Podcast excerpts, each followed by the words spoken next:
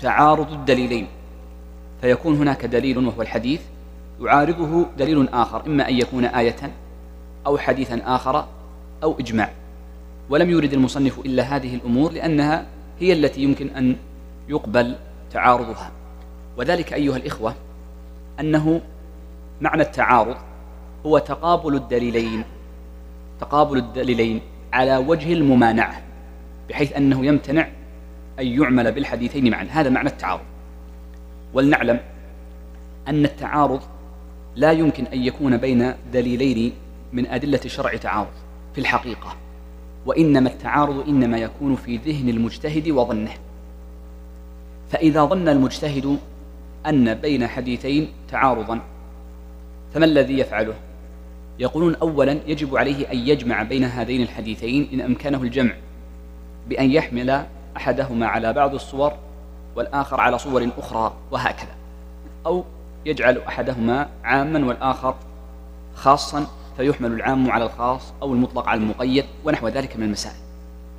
فإن لم يمكنه الجمع فإنه حينئذ ينتقل إلى الحكم بالنسخ إذا علم ما يدل على النسخ ومن, ما ومن قواعدهم في معرفة الناسخ أولا أن ينص الشارع على أن هذا الحكم منسوخ.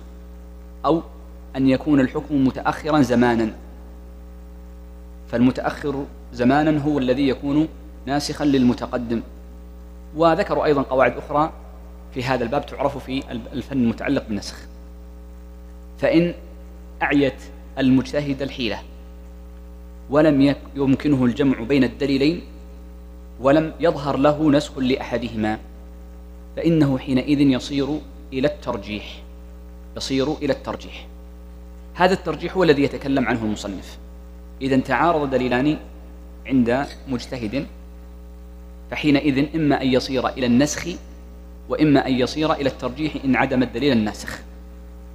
وهذان الدليلان إذا تعارضا وكانا في درجة واحدة فلم يمكن المجتهد أن يرجح أحدهما على الآخر فإنه حينئذ يتوقف أو بمعنى آخر يسقط الاستدلال بالدليلين ويبحث عن دليل ثالث يستدل به كالاستصحاب والاستمساك به. وبعضهم يقولون إن التوقف ليس مذهبا وحينئذ فإن ذهابه لدليل ثالث قد يكون مرجحا لأحد الدليلين فيكون من باب الترجيح.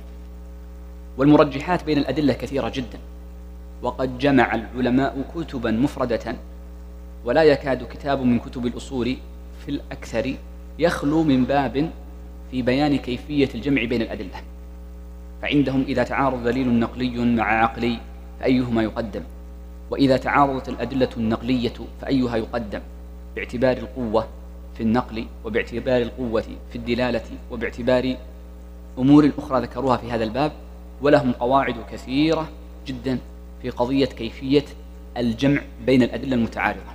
وممن ألف في ذلك أبو شامة الدمشقي فإن أبا شامة له كتاب فقط في القواعد التي يحكم بها عند تعارض الأقوال مع الأفعال أي عند تعارض أقوال النبي صلى الله عليه وسلم مع أفعاله المنقولة عنه. فلهذا النوع من الأدلة فلهذا النوع من الأدلة قواعد تحكمه ناهيك عن غيرها من الأدلة.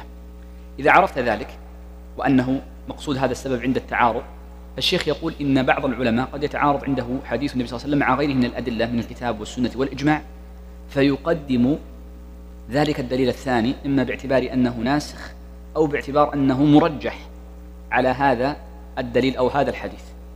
هذا قصد الشيخ ما هو سبب رد بعض العلماء بعض الأحاديث الثابتة ظاهرة الدلالة وجلية الدلالة.